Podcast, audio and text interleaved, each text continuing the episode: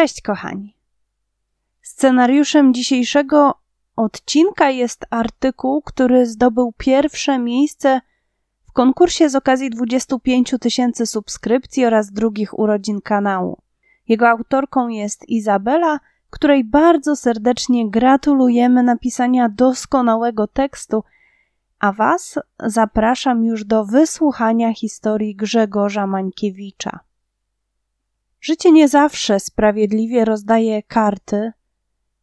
Kiedy jedni dorastają w dostatku i w poczuciu bezpieczeństwa, a inni, często tuż za rogiem, nie mogą cieszyć się rodzinnym ciepłem, a niekiedy już od najmłodszych lat muszą uczyć się walczyć o własny byt. Z pewnością do grona tych drugich zalicza się bohater opisywanej historii Grzegorz Mańkiewicz. Grzesiek jest nastoletnim chłopakiem pochodzącym z niewielkiej woli radziszowskiej położonej nieopodal podkrakowskiej skawiny. Mimo młodego wieku, życie Grzegorza jest dalekie od beztroski. Można pokusić się o stwierdzenie, że jest ono wręcz jej całkowitym przeciwieństwem. Zresztą, odkąd sięgnąć pamięcią, nie było ono usłane różami. Życie nie dało mu żadnej miłości ani od ojca, ani od matki.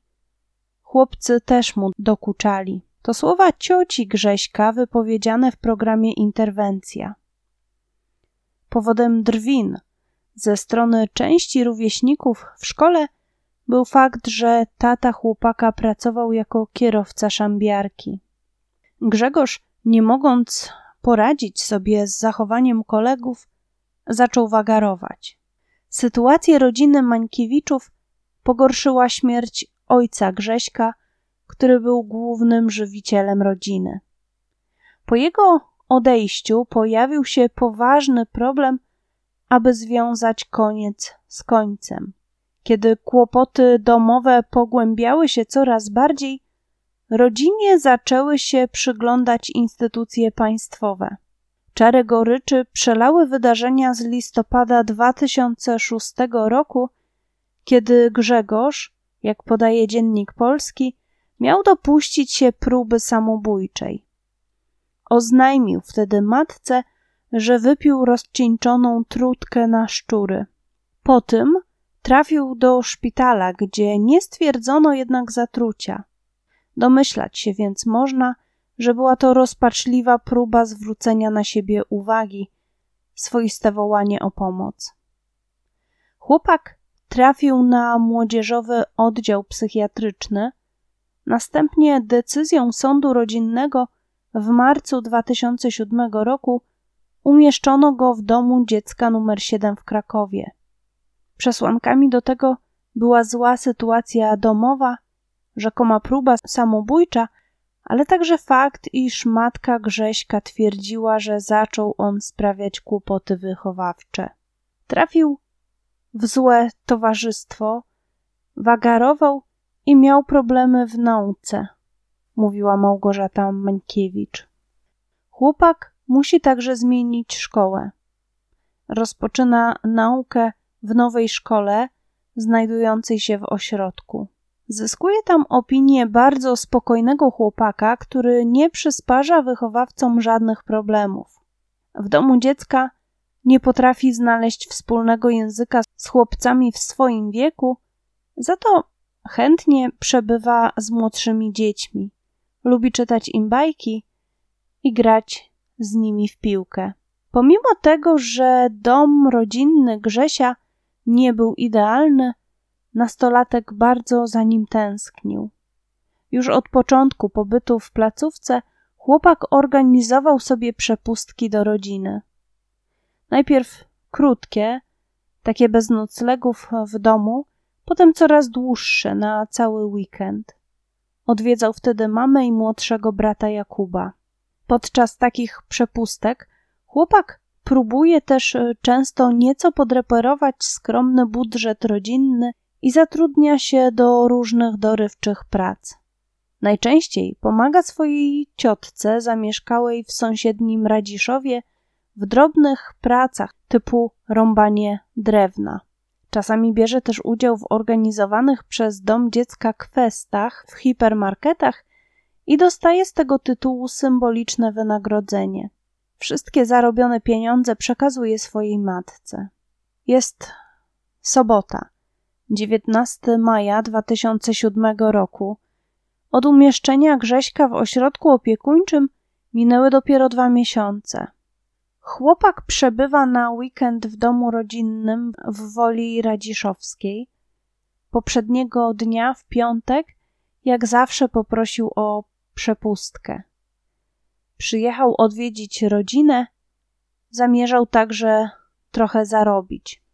Po godzinie ósmej rano Grzegorz wychodzi z domu. Planuje udać się pracować do swojej cioci do Radziszowa. Ma do pokonania dystans kilku kilometrów, nie może sobie jednak pozwolić na skorzystanie z żadnej formy transportu. W końcu pochłonęłoby to część zarobionej kwoty, która przecież nie będzie duża. Postanawia iść pieszo. Na miejsce dociera około godziny dziewiątej. Wykonuje ustaloną wcześniej pracę, za którą otrzymuje około 30 zł wynagrodzenia. Około 13 udaje się w drogę powrotną. Chłopak ubrany jest w czarną koszulkę z napisem Puma, szare spodnie bojówki o długości 3 czwarte. Na plecach niesie brązowy plecak, posiada przy sobie starą, zniszczoną Nokię.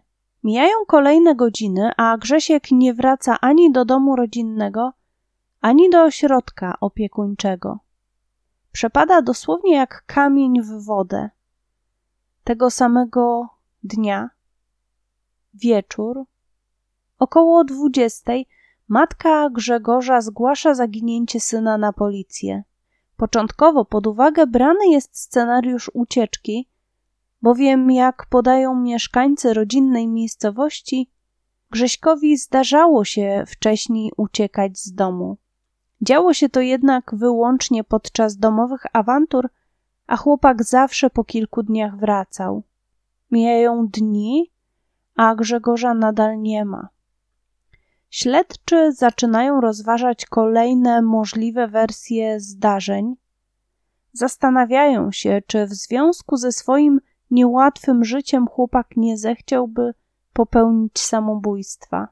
Okazuje się to jednak mało prawdopodobne, gdyż w wyniku rozpytania pracowników domu dziecka, gdzie przebywał Grzegorz, na jaw wychodzi fakt, iż chłopak umówiony był z nimi na organizację kolejnej kwestii w markecie.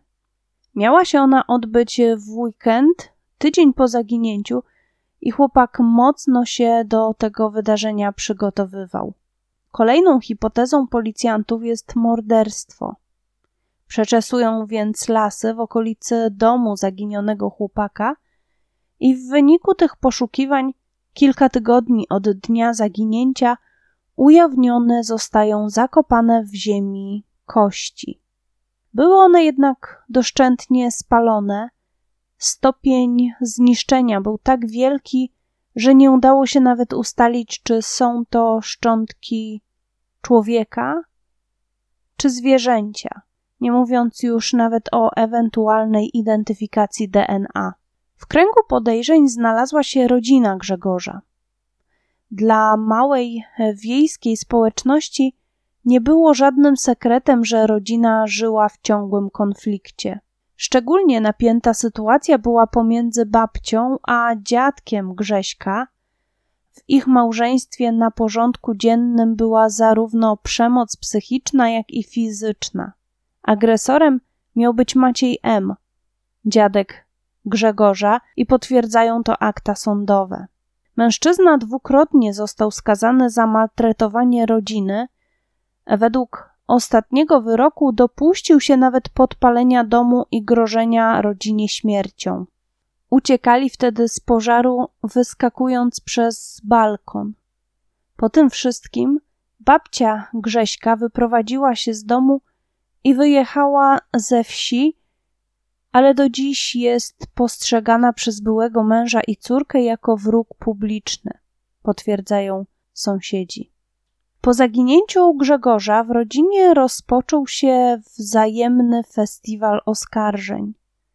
Jego dziadek zeznał śledczym, że według niego za sprawą może stać jego była żona, która może przetrzymywać gdzieś chłopaka.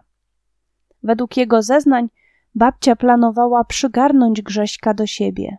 Kobieta nie pozostaje dłużna i wysyła pismo do prokuratury, w którym informuje, iż jest przekonana, że Grzegorza zabił jego własny dziadek z pomocą matki. Według babci Grześka to właśnie te osoby się nad nim regularnie znęcały.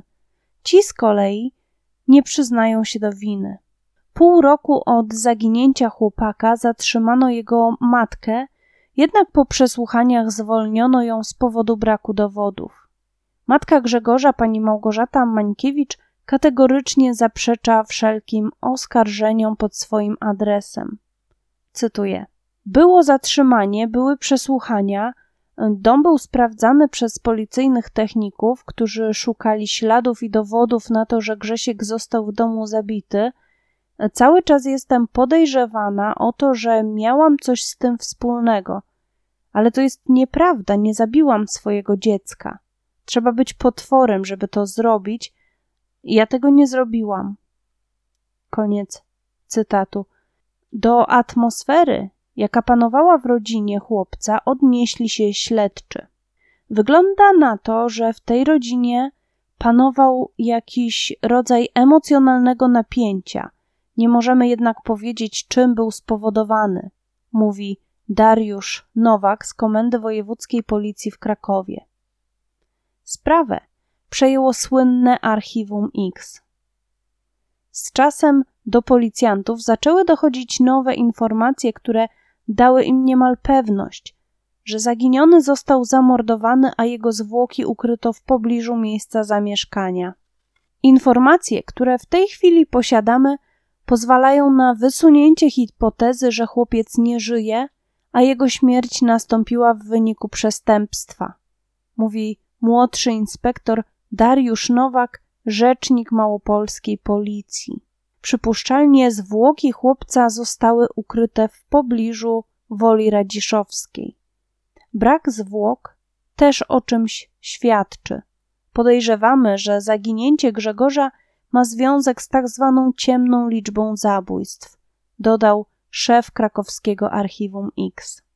W tym przekonaniu dodatkowo utwierdziło ich znalezienie dokonane kilka lat po zaginięciu Grześka, jak podaje Ewa Pamuła z prokuratury rejonowej w Wieliczce w programie Magazyn Kryminalny 997, w 2012 roku w Radziszowie w niekoszonej od lat wysokiej trawie odkryto brązowy plecak, dokładnie taki sam, z jakim zaginiony był widziany po raz ostatni.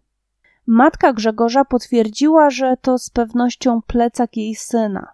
Obok plecaka znajdowały się także resztki materiału, prawdopodobnie z jakiejś e, części odzieży, być może koszulki. Na tych przedmiotach nie udało się zabezpieczyć żadnego materiału genetycznego, który nadawałby się do dalszych badań. Ciekawostkę stanowi fakt, iż działka, na której dokonano szokującego odkrycia, należy do rodziny zaginionego Grzegorza, Ponadto znajduje się ona na trasie, którą feralnego dnia miał pokonać. Grzegorza wspominają sąsiedzi z woli radziszowskiej. Cytuję: Był bardzo skryty, zamknięty w sobie, miał zawsze spuszczoną głowę, nie odzywał się. Przed zaginięciem uciekł z domu, ale po dwóch dniach się odnalazł. Znamy Grześka, to fajny chłopak. Chodziliśmy razem do gimnazjum. Nie zaczepiał nikogo, był spokojny, nie skarżył się. Ostatnio rzadko go widywaliśmy, bo jak nam mówił, chodzi do szkoły z internatem w Krakowie i dlatego przyjeżdża e, tylko na weekendy. Wydaje się nam, że on żyje, tylko poszedł gdzieś w Polskę. Mówią Łukasz i Rafał, szkolni koledzy Grzesia. Z powyższej wypowiedzi znajomych można wywnioskować, że Grzesiek wstydził się pobytu w domu dziecka i wolał, aby jak najmniej osób o nim wiedziało, a tak wspomina go pani Alina Bac, ówczesna dyrektorka placówki, w której przebywał. Cytuję. Był spokojny, nie było z nim problemów, zresztą nie zdążyłam go poznać lepiej, bo u nas mieszkał niespełna dwa miesiące. Trafił w marcu, a już w maju zaginął. Koniec cytatu. Psycholog z poradni psychiatrycznej dla młodzieży mówi natomiast, cytuję, zawsze brał winę na siebie. Obwiniał się nawet o to, że jego młodszy brat nie mieszka w domu, tylko u dziadków, że jego ojciec pił alkohol i kilka lat temu zadławił się nim na śmierć. Dwa dni przed zaginięciem przyszedł na spotkanie wyjątkowo zdołowany. Mówił, że za kilka dni matka wyjeżdża na rok do pracy w Anglii. Przyznał, że nawiązał kontakt z babcią, choć matka i dziadek mu tego zabraniali. Stwierdził nawet, boję się, że dziadek mnie powiesi, jak się dowie o tym. Chłopak miał też stan depresyjnego załamania. Koniec cytatu. W Woli Radziszowskiej zaczęły też krążyć pogłoski o rzekomej zabawie, na której miał być Grzesiek. Feralnej soboty, kiedy Grzegorz zniknął, widziano go na festynie w Żozowie. Podobno pojawiła się tam jakaś banda ze skawiny i doszło do bójki. Jednak najprawdopodobniej to zwykła plotka, nie mająca związku ze sprawą. W chwili pisania tego artykułu od zaginięcia Grzegorza minęło już prawie 15 lat. To ogrom czasu, ale trzeba nadal mieć nadzieję, że determinacja śledczych, rozwój technik badawczych, a może jakieś nowe informacje pomogą doprowadzić tę sprawę do końca i nawet jeśli Grzesiek od dawna nie żyje, umożliwi to jego godny pochówek. W końcu funkcjonariusze Archiwum X rozwiązali już niejedną, nawet jeszcze starszą sprawę. Jedno jest pewne: cokolwiek się nie wydarzyło, temu młodemu chłopakowi o przeszywająco smutnym spojrzeniu należy się sprawiedliwość. I tymi słowami Izabela zakończyła swój artykuł.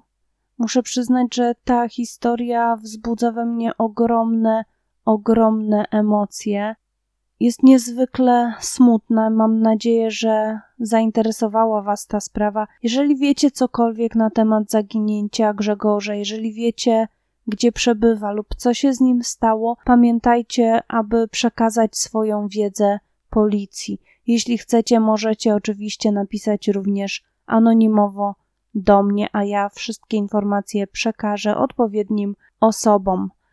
Raz jeszcze gratuluję Izabeli wspaniałego artykułu i zajęcia pierwszego miejsca w konkursie, a tymczasem żegnam się już z Wami. Trzymajcie się ciepło i uważajcie na siebie.